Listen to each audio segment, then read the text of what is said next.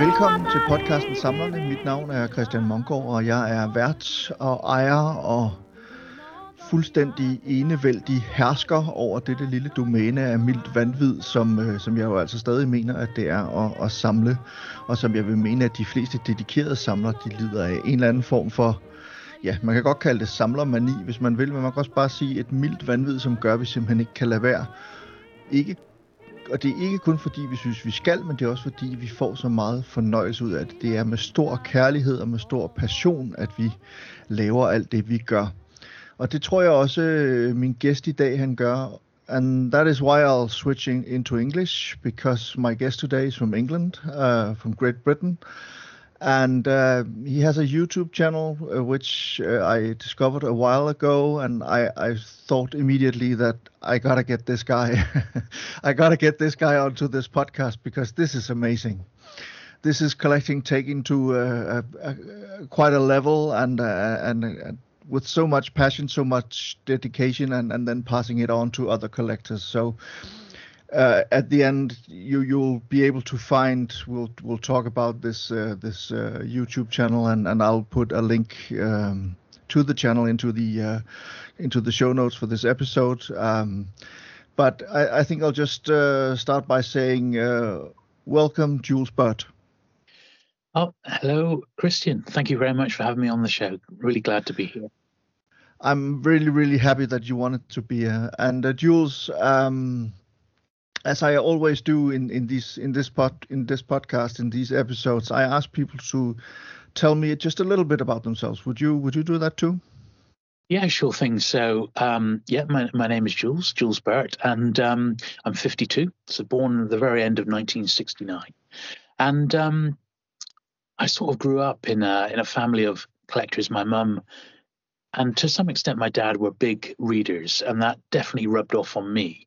And then of when I was sort of about five or six, I can remember starting to collect the early Doctor Who paperbacks, which had just been published sort of 1974, 75. And a couple of years later, the Star Wars toys started coming out, and alongside the Star Wars comic, and then the Doctor Who comic. And because my mum was a bit of a collector, she encouraged me to look after what I was buying. And inadvertently I too became a collector. So I had the comics each week, but rather than throw them away, I kept them in a box file. And I just started to become a collector um, before I was even 10, which is, um, it was sort of in my blood. And her, my grandfather, my mum's dad, um, he he was also a huge, huge collector and he collected old Toby jugs and stamps, something very traditional and um, he took that to a very high degree. I mean, he really was and had an incredible collection. And when when he passed away in, in the late 70s, this was the, it, it, went to Sotheby's, and um, back then, back then, it, it made almost a hundred thousand pounds. This was in the late 70s. You can imagine what that is today. Mm. Probably it's part of a million pounds. Um, and that was his Toby jugs and, and, stamps. So they were something quite special. Um, my mum never collected per se for any sort of financial uh, investment, but certainly the way she collected and the way she encouraged me to keep boxes, for example, my Star Wars toys, I kept all the boxes and instruction booklets, and I was very, very fastidious about keeping weapons and keeping everything complete as as much as I could.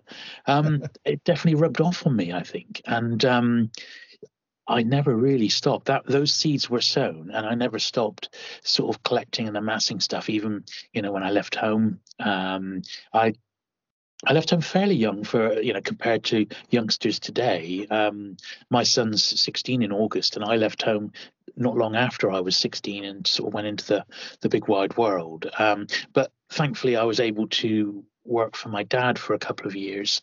Um, uh, in his sort of fruit and veg business. I did that for a few years, in fact.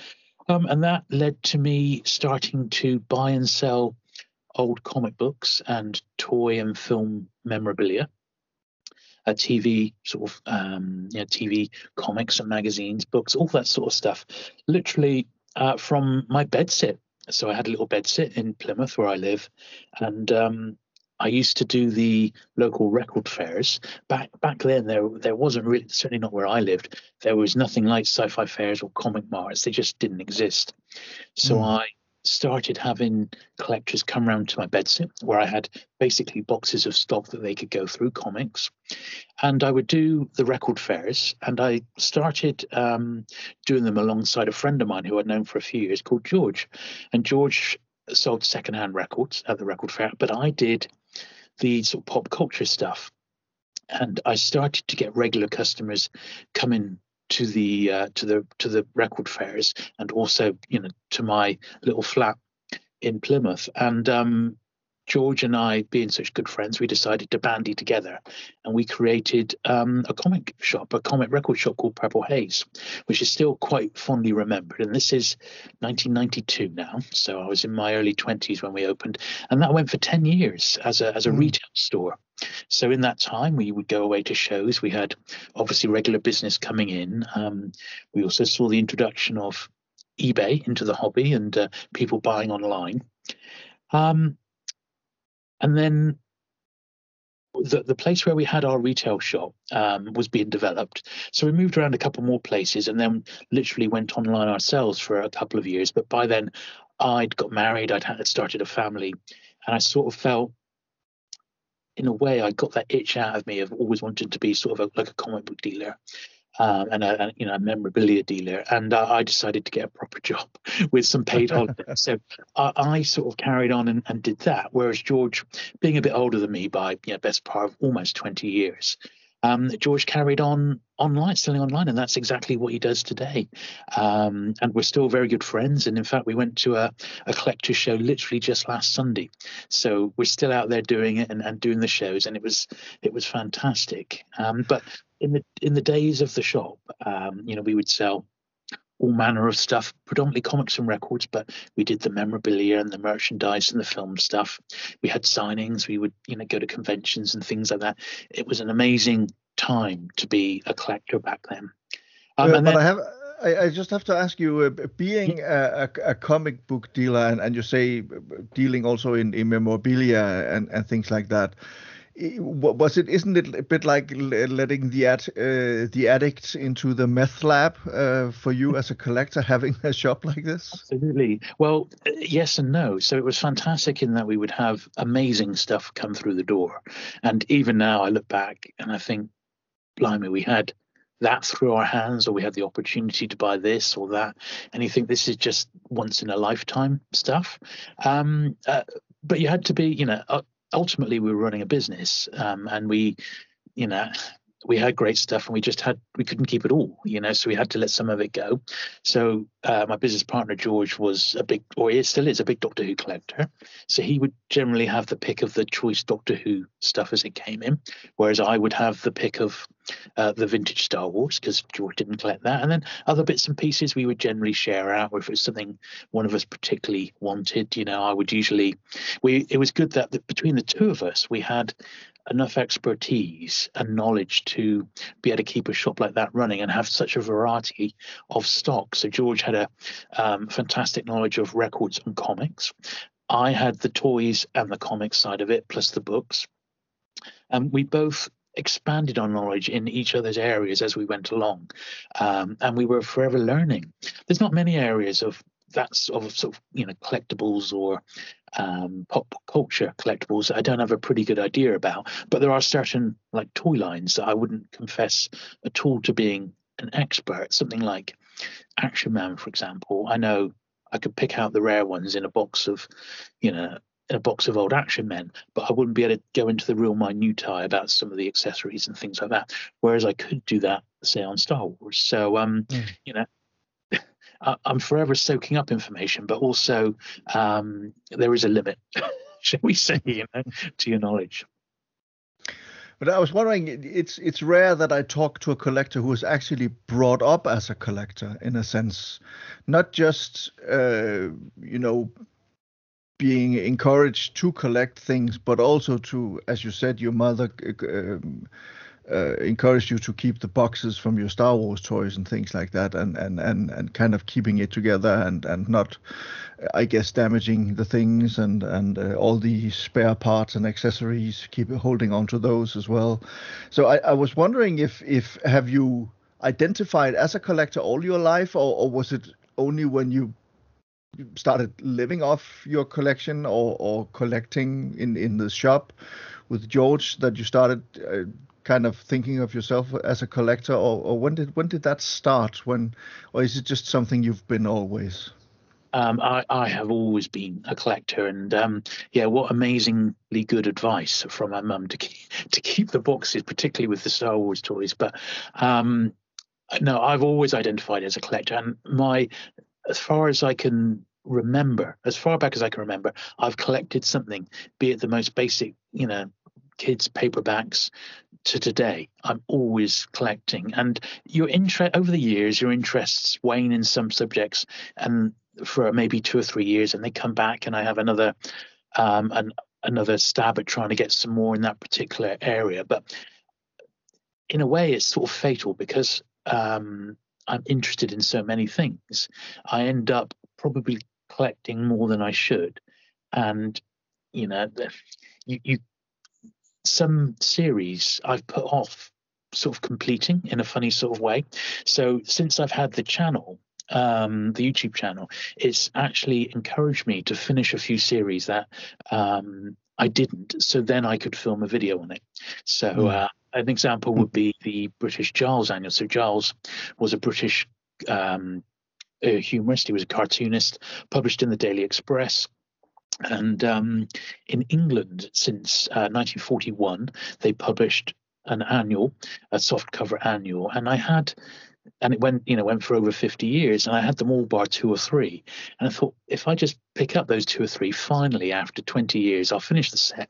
Then i can do a nice series of like the complete giles annuals uh, on video. And that's that's like a, a very easy example of of the youtube channel encouraging me to finish off a few of my various collections because there's a lot. Some of them are ongoing and some of them i finished you know decades ago like the Star Wars figures, for example, and seeing how the market's gone, I wouldn't want to um, really expand on that much beyond what I've already done. But um, other things are going to take probably a lifetime, like um, you know some of the vintage paperback publishers that I collect, particularly Penguin Books, um, where I'm trying to amass everything that they published pre 1969. And they started in 1935. So that's a 35 year history of one publishing house, and they were prolific. That's the best part of 7,000 books. So that's uh, in first edition as well. So that's mm. that's going to be uh, you know I'm I'm over 20 years into that task and um, I'm making some headway, shall we say? um, the reason I, I did, or, or, not the reason, but the, the first video I saw of yours was one of your uh, vintage paperback uh, videos.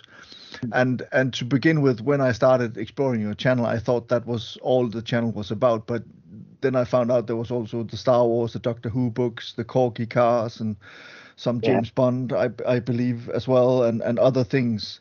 But you have, but it, it seems that the uh, the vintage paperbacks is, is the is the thing that takes up most of your time and, and most of your collecting. You've done a video called "The Magical World of Vintage Paperback Collecting." Yeah, and that is that, that, that that, that is quite a title, and I wondered if, if could could you kind of of, of give uh, give the listeners a, a, quick intro into what is the magical world of vintage paperback collecting.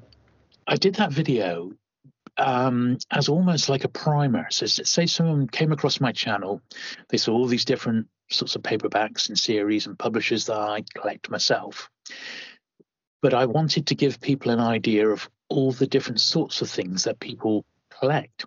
So within the world of vintage paperbacks, you could collect by publisher, you could collect by author, which is obviously the most popular option, um, but then people collect by um, genre. So I collect horror comics or uh, horror books, or I collect sci-fi, or I only collect crime.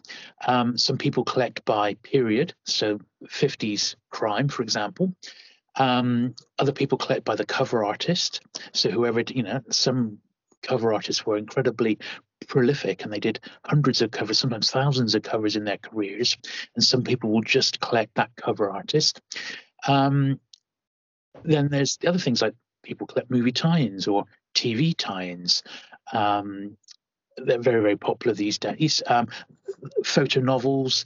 Um, there's just so many different sorts of things within the world of vintage paperbacks that you can collect. And the purpose of that video really was to sort of just show people that there's something for everyone and everyone can get into the hobby of collecting old paperbacks because it's very, cheap. It's not like collecting rare hardback first editions which can be predominantly expensive and you've not got a lot to show for your money. If you've got 50 pounds to invest in old paperbacks you can come out with easily a dozen really nice books and you can read them to boot. So it's not like you know there's something just to sit and look at. You they do have a practical function of they're actually books as well Mm. And actually followed that one up with with a second one, a second part of it. And I reckon I could probably do a third part of different sorts of things that I collect and what you could possibly collect if you were looking to uh, dip your toe into the world of vintage paperbacks. But certainly on my channel, um, there's there is a lot of book related content because I'm still actively collecting it. And um, mm. one of the offshoots of it is I get people contact me and say, "Oh, I've got a load of old books," and I'm I'm always on the lookout for job lots and big collections. And one of the weird sort of offshoots of doing that was that I started doing monthly pickup videos where they would be a bit sort of like a, a vlog where I'd go over what was happening on the channel and my other sort of uh, channel and um, where I've been and recent videos and what I'm planning to do uh, whilst cleaning the books. So um, I've got a particular process where I clean and repair books and bring them back up to uh, what I think nice shape. And those videos have got their own attraction because people seem to like them for their unintentional ASMR qualities. exactly.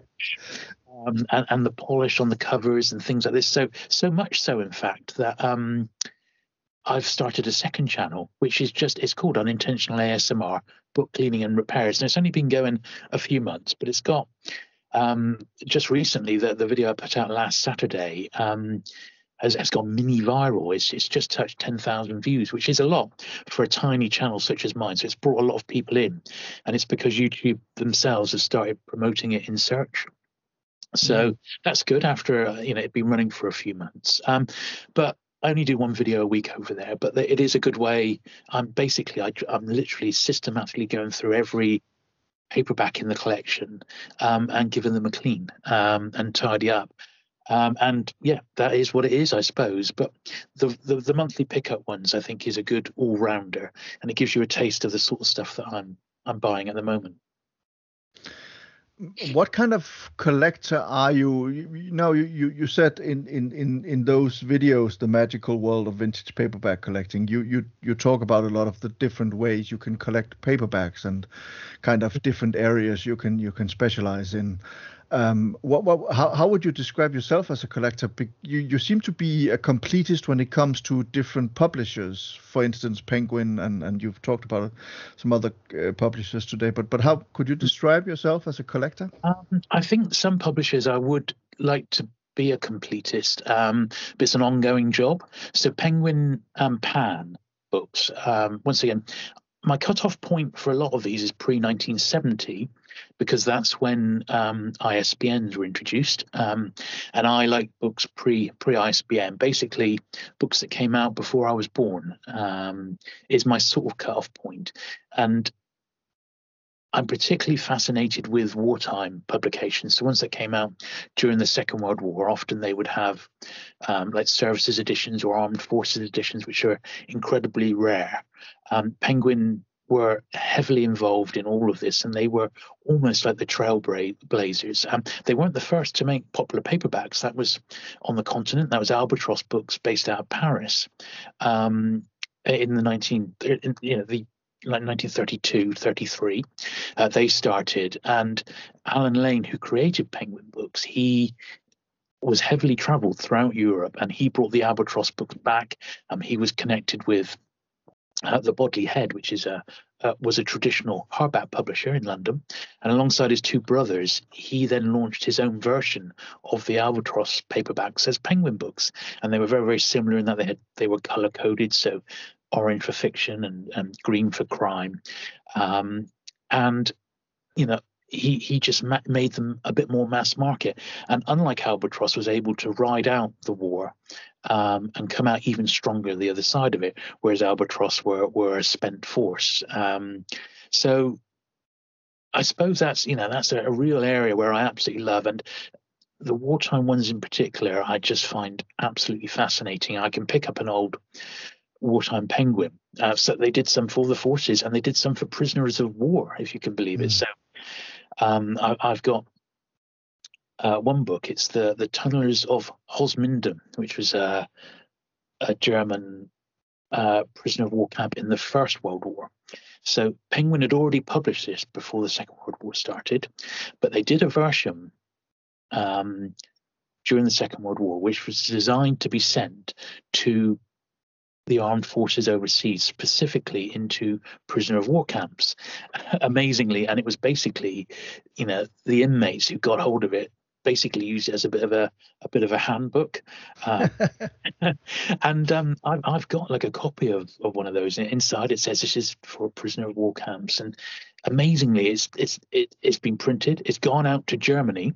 Um, it's somehow managed to get back to the UK yeah, admittedly a bit tatty, but it's still in one piece and ended up in my collection. And the print run was minuscule, There's about six, seven thousand copies ever printed.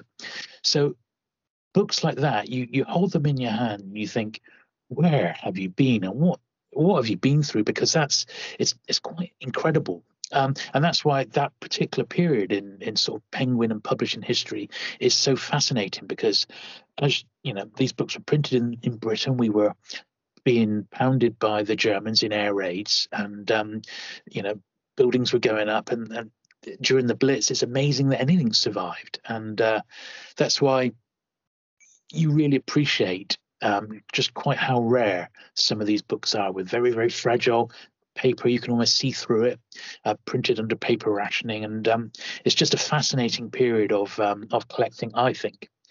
And um, that's that's those sorts of that little aspect of Penguin. Um, it just makes me fall in love with that publisher and how they got through it, and that rubs off with the other publishers. So I got into Penguin like that, and then I thought, well, what were these other publishers doing? Um, and I've started, you know, picking those up. And then just just after the war was when Pan started, and um, that was a publishing boom in the UK then, and lots of publishers um, came about and were created. But the pre-war ones and the wartime ones are, are where I've, I think they're the hardest to collect. The books are the rarest, and um, they hold the most fascination for me for those mm. sorts of books, you know. Um, but this, like but, I said, in that video, there was so much. There were so many dis- different aspects of collecting, mm. uh, and, and that, I couldn't put my I can't see you know that's just one little bit of penguin history that I absolutely uh, find fascinating. But I could equally say, well, I've you know one of the earliest things I collected were the James Bond books. Uh, they were first published in paperback by Pan. My dad had a full set of those, and they they found their way to me. And since then, I've you know I've I've gone to the nth degree with the Bond books. I've got multiple copies of them, some signed by the cover artists, um, some signed by the actors who were in the movies in some cases. Um, and I've got because I finished all the British ones, I ran out of them. I started on the American first editions in paperback. Um, I've not got as far as collecting the original hardback books because they are somewhat pricey, but mm. you know that's just another little microcosm of of the collection. It's like a couple of shelves with my Bond books on but it's almost like I've got my own sort of mini museum and, and lots and lots of different things that I can dip in and out of. So I might, you know, I'm trying to put a run together of Ed McBain, the crime writer Ed McBain, in paperback first. Um, now I haven't got them all, and I need maybe eight or nine to finish the set. So once, maybe once every six months, I'll go back to my Ed McBain list and have a look online and see if I can find any more that I need off my list. But then I'll then I'll forget about it for another six months and then have another go. And some of my collections are built on that way. Is that I'm not you're going to pay any money to get some of it. I'd rather wait to either come across it or wait until I get them cheap and then um, yeah, then fill in the blanks that way. But I, I, I concentrate on something, let it go, then then go back to it again a few months later. But that that also means that the hunt is always on for different things, but still you you you there's there don't seem to be any danger of you running up against a wall and saying, "Oh, this is my collection complete."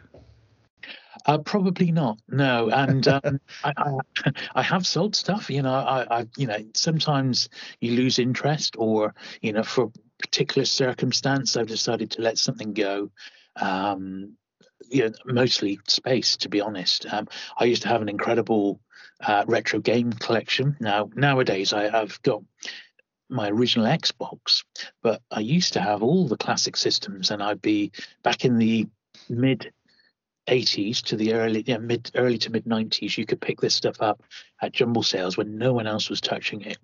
And I had huge runs of the Atari 2600 over here we had the Spectrum home computers. Mm. I had the the Vectrex the classic Vectrex with loads of games. And um, you just cannot keep it all because it's, it's just too much. And I decided with the games especially because a lot of them you can just play very very easily on emulators i was okay to let the let the gaming stuff go because it took up a lot of room and mm. it was like I could never play the games again. And you could sort of say the same with books. So why do you collect all those old Penguin books? Surely you can just stick them on a Kindle. Well, that's not strictly true because hundreds, thousands of the books that I've got have never been put into ebook form. Um, so I would I would argue that that's actually a reason for keeping the physical copies rather than just having it as an ebook. There's definitely something very and you're a book collector, aren't you, Christian? So yes, yes, very very tactile about holding an actual book. Um, another another little collection I've got on the go is um, uh, Winston Churchill first editions, um, mm-hmm. and I bought one. I treated myself to one two weeks ago, and it was one I'd been after for maybe three to four years at a decent price. I could have gone out and spent five hundred pound on one straight away, and that would have been all well and good. But I decided to. I didn't want to spend five hundred pound on, on one hard hardback. That's a bit over the top for me. However much I wanted it, so I waited until one turned up at what I considered a decent price, and it was um, Churchill's My African Journey in 1908 hardback first edition. Um, it didn't come with a dust wrapper, but it's got a really nice illustrated red boards, which are very susceptible to fading. And I found one which turned up on eBay on a buy now, and it was a woman selling it, and it said it was my dad's, and I got it for 145 pounds. Absolutely mm. fantastic. And I gave that. I didn't. Sadly, I didn't film it, but I did give it. It took me about two hours to clean it up, but it's it's all complete. It's got 61 illustrations, it's got three fold out maps. It's an incredibly lavish publication.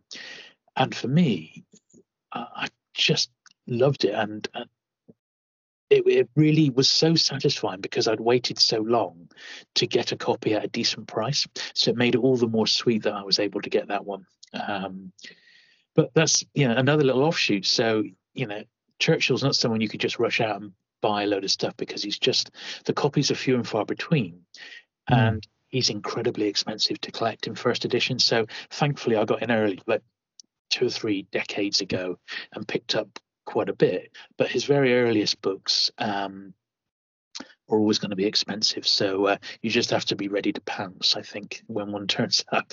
But that was the most expensive thing I bought this year. I think but but it is true. You, you have to be yeah you, you have to be uh, ready to to strike when you have the uh, the opportunity. And and I would say that in terms of I, I collect uh, Sherlock Holmes and I collect uh, uh, first editions British first editions and that's not Lovely. cheap exactly. Uh, but there are some really beautiful books and I also collect books on Sherlock Holmes a lot of kind of the, the, the, the, research books or whatever you want to call it that have been made uh, or written on Sherlock Holmes in both America and uh, and and Britain, and I have a quite a large collection now, but it, it, it is really kind of expensive because it's it's a small world, but it's it's uh, more interconnected now because of the internet and people have sometimes a bit unrealistic expectations of what they can get for things, uh, and and the prices have risen because of the internet. I don't know how you uh, have experienced that whole kind of the arrival of the internet and internet trading and eBay and things like that. What that has done to the prices. Well, I mean, even when we had the shop before eBay, um, we would have someone bring in a copy. Uh, uh um, they would have a box of old comics, an old run of Marvel comics, and I'd you know go through and then pull out. I remember this vividly as Spider-Man number four, and it was maybe a good to very good condition copy, which in the world of comics, that's not actually that good. Uh, you you would then go to very good plus, fine, mm. very fine, and mint. But I rated it good to good, and then so I said, well, yeah, okay, that's about two hundred and fifty pounds. That's a real nice one. That they said, no, it's not. Well, it is in that condition. Then they pull out a copy of the Overstreet comic book price guide, and this is in the nineties, where mm. a really nice copy is three thousand dollars. I said, well, yeah, but that's for mint. You, do you not that is not mint that's like a vg copy it's very very average there's pen on the front you know there's a slightly loose page there there's creases down the spine that's not mint but they just an unexperienced collector or person who's just been given that and the price guide, they just don't know what they're looking at. And consequently, we didn't. I said, look, that's fine. If you think it's worth that, you go ahead and try and sell it for that, but it's not. Um, and that was in the 90s. That was even before the internet. Nowadays, mm. it, it's it's even worse because people, the average person, doesn't appreciate condition, and that's that's so so important. And um, you see, you know, one person's mint is another person's absolute dog, you know. So you need to educate yourself before you start bandying around terms like mint. I think eBay have tried to distance themselves from doing it, so they just put new, unopened, or good used. they, they there's no middle ground. It's either brand new, literally brand new, or it's been opened, and perhaps that's a better approach when you're selling online. But thankfully, it's much much easier to put photos up these days. So mm. it's always buyer beware, isn't it? Look at the photos and look at their feedback, and don't rush in. Um, I find outside of eBay, uh, the Facebook groups are another source for finding collectibles, and there's lots of books that are traded that way. There's very little in the way of dedicated dealers, old sort of old-fashioned book dealers nowadays. Um, I don't know if you've you've noticed that, but when I was, mm. you know, at the shop in the 90s, there was loads of book dealers around, and we had a book dealer in the back of our shop who, you know, admittedly sold online on ABE books and a bit of eBay as well. But that was great because people would be bringing old books into the shop, which was fantastic. So I could, you know, get the first pick of the paperbacks and things like that. uh, which was always, always good. But um, it, it's funny. I like you. I'm a, I'm a big Sherlock fan. Um, I don't. I've got various editions in my collection, you know, paperback editions and paperback first. Um, when we had the shop, um, there used to be quite near where I live um, a Sherlock Holmes museum on Dartmoor, which um, the owner sadly um, was terminally ill, and he had to basically shut down the museum, and all the contents got sold. And um, it went to a local auction house, and uh, George and I bought an awful lot of it. I mean, a van load. So we bought a lot. I mean, the books you just couldn't believe. There must have been two to three hundred different books, uh, books about Holmes. There was copies of The Strand, multiple copies of that. Um, a lot of them in little boxes to keep the copies intact.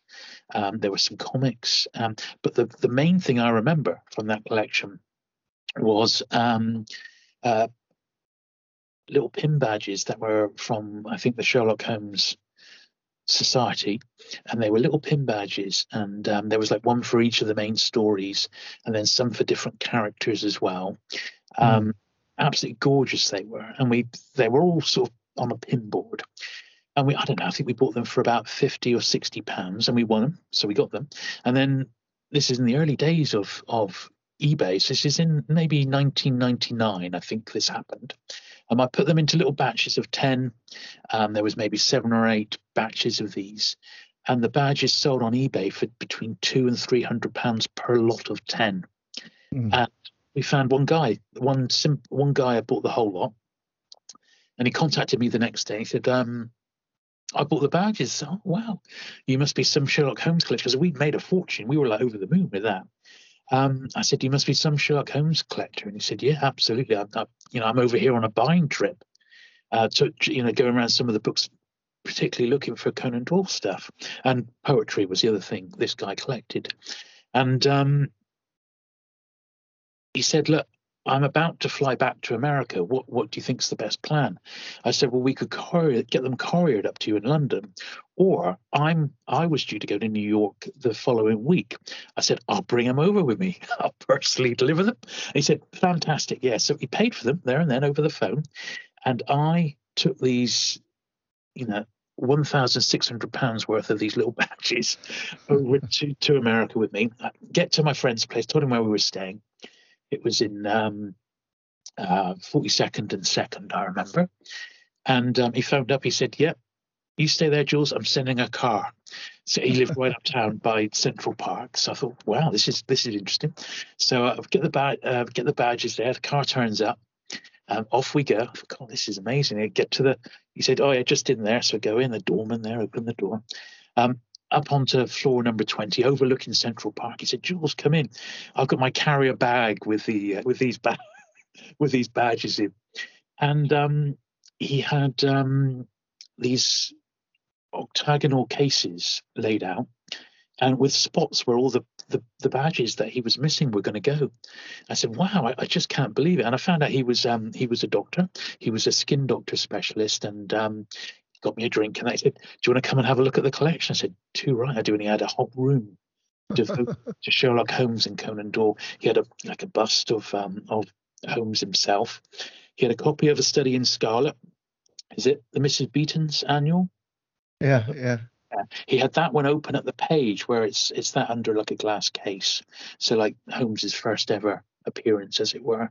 I mean, astonishing. Absolutely, I couldn't believe it. I was in there for about an hour, and I'd never seen anything like it. It was, and the quality of it as well. It was museum quality copies, really, really amazing.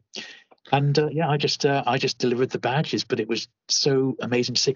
Unfortunately, I cannot remember the chap's name, so I don't know if he's still around um, or he's still collecting. But this was this was 23 years ago now. Um, mm, But uh, there, there just, are quite a quite a few American collectors of Sherlockiana, and they have a lot of money. Um, mm. They're right now in the Grolier Club in, in, in Manhattan. There's an exhibition, uh, Sherlock Holmes in 221 objects, by a guy called Glen Miranker, and he is uh, a former Apple executive.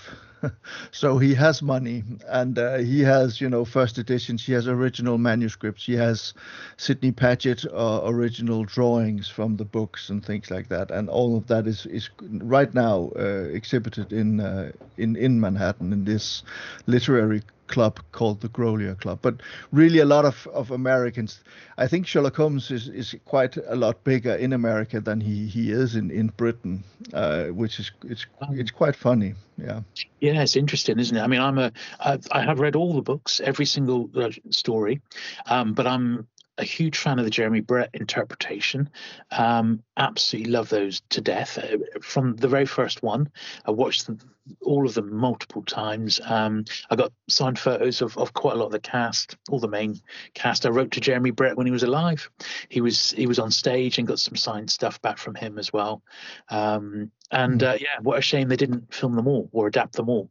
Um, mm. But what we've got is uh, I just think fantastic. The other one I really love is Basil Rathbone for the movies, but also the the radio show that he did with. Yeah. Uh, Bruce. I love those as well. I'm a big old time radio fan, and um, I, I, love the, uh, the Holmes ones in there. They're just also fantastic. Um, about Holmes all day, couldn't we?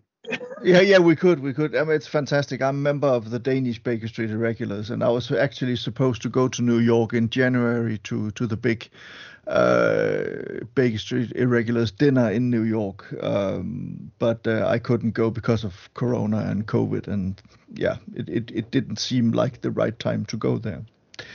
Um, but I just wanted to go back to, to the paperbacks because there's one thing I find really fascinating about paperbacks as a as a uh, kind of a collector's item, which is that they were, I guess, meant from the beginning when they started doing paperbacks, and I guess still kind of the the cheap option of getting something to read, and also kind of a throwaway object. It wasn't meant to last, which is is is quite funny. And and also when you talk about it, you, one of the reasons or, or, one of I get the feeling that when you talk about these books, that one of the reasons that you are so fascinated by this is also kind of the history of the publishers and how it all came about and what they did during the war and and how their publishing politics were and, and how they published and, and what kind of materials they used. So you kind of educate yourself, I guess, in, in terms of the whole history of the books the printing process, but also the, the, the, publishing houses and how they work with these things. Oh, is is is that? Yeah. I'd, I'd say that's definitely true, and there's probably no other publisher who's had more written about them than Penguin Books. I mean, there's a, a, society that's been going, a collectors society that's been going since the mid 1970s, and I mean, there really isn't. There's, the, I wouldn't say there was a. Um, I mean, there's a couple of dedicated sites, and of course, Penguin themselves are still going today, and they do mine their back catalogue and their history. Um, but the actual people who were there at the beginning and the people who were working in the office, right down to the guy in the warehouse, they've all had their um, their sort of stories catalogued and recorded, and um, if you wanted to go into the history of a publisher from its very earliest days, you, you, know, there's nobody else but Penguin, I don't think, who you could do that. Maybe um, the Ballantines, you know, Ian and Betty Ballantine, who started Penguin in America. They helped launch Penguin USA before branching off um, and launching uh, Ballantine books. You know, so uh, and you could track their history right back to the you know the late 1930s, early 40s, and that's when all the American publishers sort of came on board with like Pocket Books was formed and Dell and all the rest of them. But it's a hmm. fascinating subject, and um, yeah, the, the the history and personalities within um, uh, Penguin UK, I think, are uh, they're very interesting, and I do find it. Yeah, it's a good bit of history to go alongside the books when you're looking through them. I think. Uh, yeah, and, and also it, it's it's it's quite an important part of our you know common cultural history. Uh, the Penguin books Ballantine we know in Denmark because it's a big publisher, but but we really know about the Penguin books.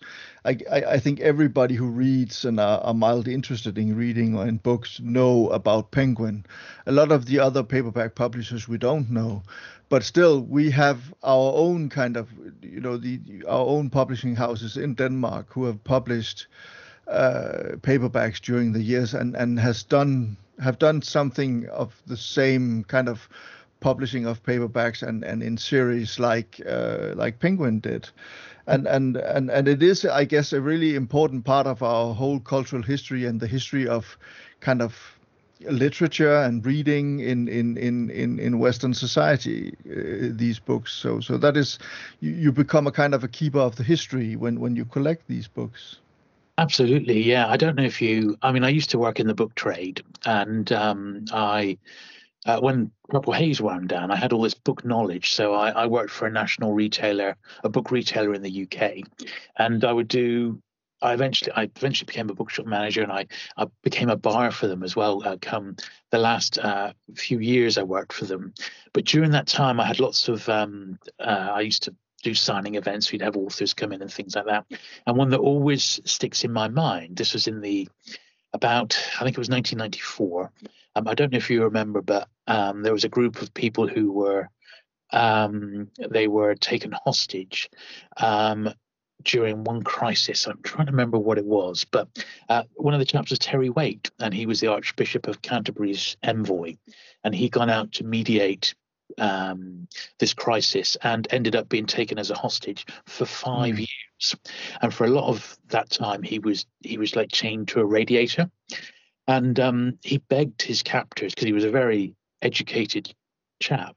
Um, he begged his captors to to give him something to read, and they brought him a box of books, but they were all in like Iranian or something like that. It was a completely foreign language to him, so they were no good.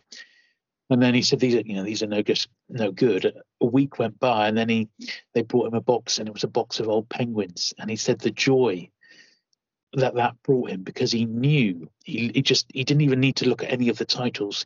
He just knew that he had some quality reading ahead of him. And I've never forgotten that. And I spoke to him about it at the signing. I said, I read the book, and you mentioned about how you, you know, your how finding that box of old penguins that you know that they gave you you know helped you get through so many tough nights. He said, "Yeah, absolutely fantastic." Said, "I'd love to get those those particular books back." And I I gave him the address of the society. I said, "Give these guys a call. I'm sure they'll be able to fix you up with some spares." Um, but it just shows that Penguin themselves, as a publisher, have like ingrained themselves onto society, and um, yeah, I, I, think they are. You know, certainly back then, they were a sign of of quality, shall we say? And and and you do still read the books. You don't just exhibit them. Absolutely, yeah. So I read as much as I can. I've usually got two or three books on the go, to be honest. Um, it, it's funny, so much of my time is spent on the YouTube channel that maybe time that I would have downtime that I would have spent reading. Um, I've not done so much, and I've not been abroad yet because of COVID. Um, I've not had any chance to go away, and that's another time when I read a lot. So traveling on a plane or a train, you know, mm. by the pool, if if it ever happened, that would be uh, when I would be doing a lot of reading. And when I'm on holiday, I can read a book a day. Um, but since I've not been doing that, I've been putting most of my spare time towards doing YouTube videos and preparing for YouTube videos. And some of them are quite highly researched, and I need to do. I none of my stuff is really scripted. I might have a page with bullet points where I go through, so I make sure I've covered everything. But in certain cases, if it's if it's quite factual, I want to make sure I've got all the facts to hand. So um, I do spend time researching stuff. And if it's a book that I've been sent to review, which I do the odd, if it's a book about books, I can generally get get sent review copies these days. And um, I like to read it and then make notes, and then I'll go through almost page by page and I'll review it. Um, and make my points clear that way. But um, I, I, read as much as I possibly can, but it's never enough, is it? And you've just built your own uh, YouTube studio as well. Indeed, yeah. In fact, I'm, I'm recording this in there now, so hopefully the audio with my uh, plugged-in mic should be quite nice and not too echoey. Um, but um, yeah, so thankfully the YouTube channel is um, it, it gets about hundred thousand views, and from that I get um, ad revenue from from Google, um, AdSense they call it, and that pays you know a few hundred pounds a month, which is brilliant. And then I've got a Patreon where people, you know, you've I'm sure you've heard of Patreon, so they can go and they can support mm. you and they get access to the videos earlier than than you know before they go live basically and i've got uh, youtube uh, channel memberships as well which is another source of income and then you can get um, a, a, few affiliate links from Amazon and eBay and a few other bits and pieces like that. And suddenly it's it's you know from different sources. It can be you know as I said a few hundred pounds a month, which is really good for something which is just a hobby. But it does mean I can sort of treat myself to the odd thing. But in effect, initially, all the money I've pulled together, I've just saved it all. I've not spent anything. And I've built the studio off the back of it. So that was no small undertaking, but I built it just in the back garden. And it's all been soundproofed and carpeted. And uh, it's brilliant. It's, it's nice to have a place that I can just leave all the lights set up and I can just go into it, flick, flick the, the power, and basically just start recording. Mm. It saved me so much time. And uh, hopefully I'll now be able to do some live stream because I've got a really great set behind me now, which when it's all lit up, it looks fantastic. And um, I'm looking to do a few more sort of live sessions where I can interact with the audience. Um, I'm almost at 15,000 subscribers now, which is really great and well above the curve for a YouTube channel which is not quite three years old yet. So I'm really, really pleased with the progress and the views that I'm getting. But I obviously want to take it to the next level if I can. And um, I just want to make the best sort of videos that I can. So I'm certainly not short of stuff to show. And I look back on the early ones on the channel and I, I cringe a little bit. I think they were a bit basic and I didn't have great lighting and the audio wasn't that good. And I've, um, you know, potentially I'll remake some of those ones. But ultimately, you know, I'm managing to do three videos a week on the main channel and one on my secondary channel. So it's four videos a week. It's it's quite a bit. It's quite an mm. undertaking. So most of my time off is is taken up with YouTube. I have to say, it's become a way of life. We're getting to the end of, of, of the podcast, Jules, and, and and I was just wondering if you could talk a little bit about the joy you get out of your collecting.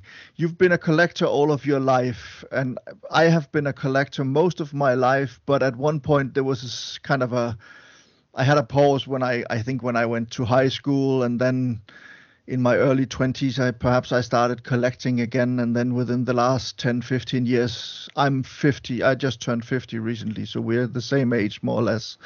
And um, then I started collecting again for real 15 uh, well 10 15 20 years ago or something like that but for me it has some of it has been kind of rediscovering things from my childhood but it has also kind of being or, or, kind of saying that these are some of the things that I am interested in. You know, I collect Sherlock Holmes books. I collect uh, vinyl records. I collect uh, film memorabilia, as as you also do. I collect uh, Lego sets that has to do with, or that have to do with films and television and things like that. I collect films. I'm a film critic in my civilian life, uh, so I collect a lot of uh, films on laserdisc, DVD, and Blu-ray, things like that. That kind of really gives me a lot of joy and kind of there's there's no time when I feel more at ease or more kind of at peace than when I'm sitting amongst all of my collection of books and, and, and toys and things like that. Just how, how does your collection make you feel? Um, well, I certainly um, most most of the books are in in, in my loft, which is converted. I've I've got it boarded out, and um, the bookcases are strategically there, so like a big U. So you go up the steps into the loft, and then you can sort of follow either left and right is like bookcases into a big U. Um, so it's all it's it's almost all out. It's all accessible, but I wouldn't say I probably had enough room for it all. But I I love it. So if I get a batch of books with a new series, then I'll have what we call a bit of a shunting session. So I'll pull them all down, and I'll have new books to fit in place. And uh, I'll some music in the background, and, and yeah, I'll just be, I'll be in heaven. um, the way I, I, look at it, I, I love um, sorting out my own collections. It's fantastic, and um, I find cleaning it. So I'm, I'm, cleaning it and videoing the cleaning really therapeutic as well. And it's a chance to look through some of the books that I might not have seen for a while. Um, and yeah, I, I, I, love collecting. I, I always have. And um, if it's something which instead of it just being a toy, which you know, in a lot of cases I'm not going to be playing with toys anymore, but you know I've got my old Star Wars stuff and I love to look at it, and it brings back waves of nostalgia from when I was a kid, where it gives you flashbacks to when you were playing with it when you were mm. young. So the nostalgia plays quite a heavy key on some of it, but in other cases, you know, I've got no nostalgia for 1930s old Penguin, but I've also got the satisfaction that I'm finishing a number that I might have been after for a long time. So, you know, it's different sorts of triggers. There's the, the nostalgia trigger. There's just handling stuff that you just love to handle, like old books or old toys. Then there's the satisfaction of finding something like the Churchill book that you've been after for a long time at a good price. They're all different emotions, but they all contribute to being a collector. This is the, the fun of collecting. And I've mentioned it on my videos a few times. It's um, my collecting adventures. mm-hmm. Jones. I'm not rush, rushing off collecting here, there, and everywhere, but um, I find going to secondhand bookshops or going to a collector's fair or a toy fair or a book fair, that is a collecting adventure. You never know what you're going to come across, and um, more and more I'm trying to film those experiences when I do do those sorts of things because um, collecting is infectious. And if you hear someone talk about talk enthusiastically about a subject, it's so easy for it to rub off. You think brilliant. I'm going to try some of those, and that goes right back to that magical world of, of vintage paperbacks where there's so many different things, and everyone's a bit different. and um, you know, I, I, know a chap in America. He he collects American paperbacks that have got matchbooks on the cover or matches. I mean, have mm-hmm. you ever heard of anything so obscure? But he's got in the world of that particular subject, and for him, that means something special. It wouldn't interest me, but I can see the appeal. You know, so uh, everyone's a bit different. But when I'm amongst my books and my collection, yeah, I'm in my happy place. That's very nice to hear, um, and, that makes me happy as well, uh, Jules. And thank you very much for for being on the podcast, Jules Burt. Uh, no, it's been my absolute pleasure. I've loved it. Og tak til jer derude, der lytter med øh, til, øh, til dette afsnit af, af Samlerne og podcasten Samlerne i det hele taget. Tak for de anmeldelser og de stjerner, jeg har fået undervejs. Tak for alle de positive reaktioner, jeg har fået og forslag til, til gæster og det ene og det andet. Det er også en meget stor fornøjelse for mig at lave det her og, og dele min passion for at samle og også andre samleres passion for at samle med jer, der sidder derude og som forhåbentlig også er samlere eller får lyst til at samle og kan hente noget inspiration i den her podcast. Skulle I have lyst til at give podcasten en anmeldelse eller nogle stjerner, husk nu, alt under fem stjerner er ikke acceptabelt, så kan det gøres der, hvor I nogle gange lytter til podcasts, for eksempel iTunes eller Apple Podcasts, som det vist nok hedder i dag.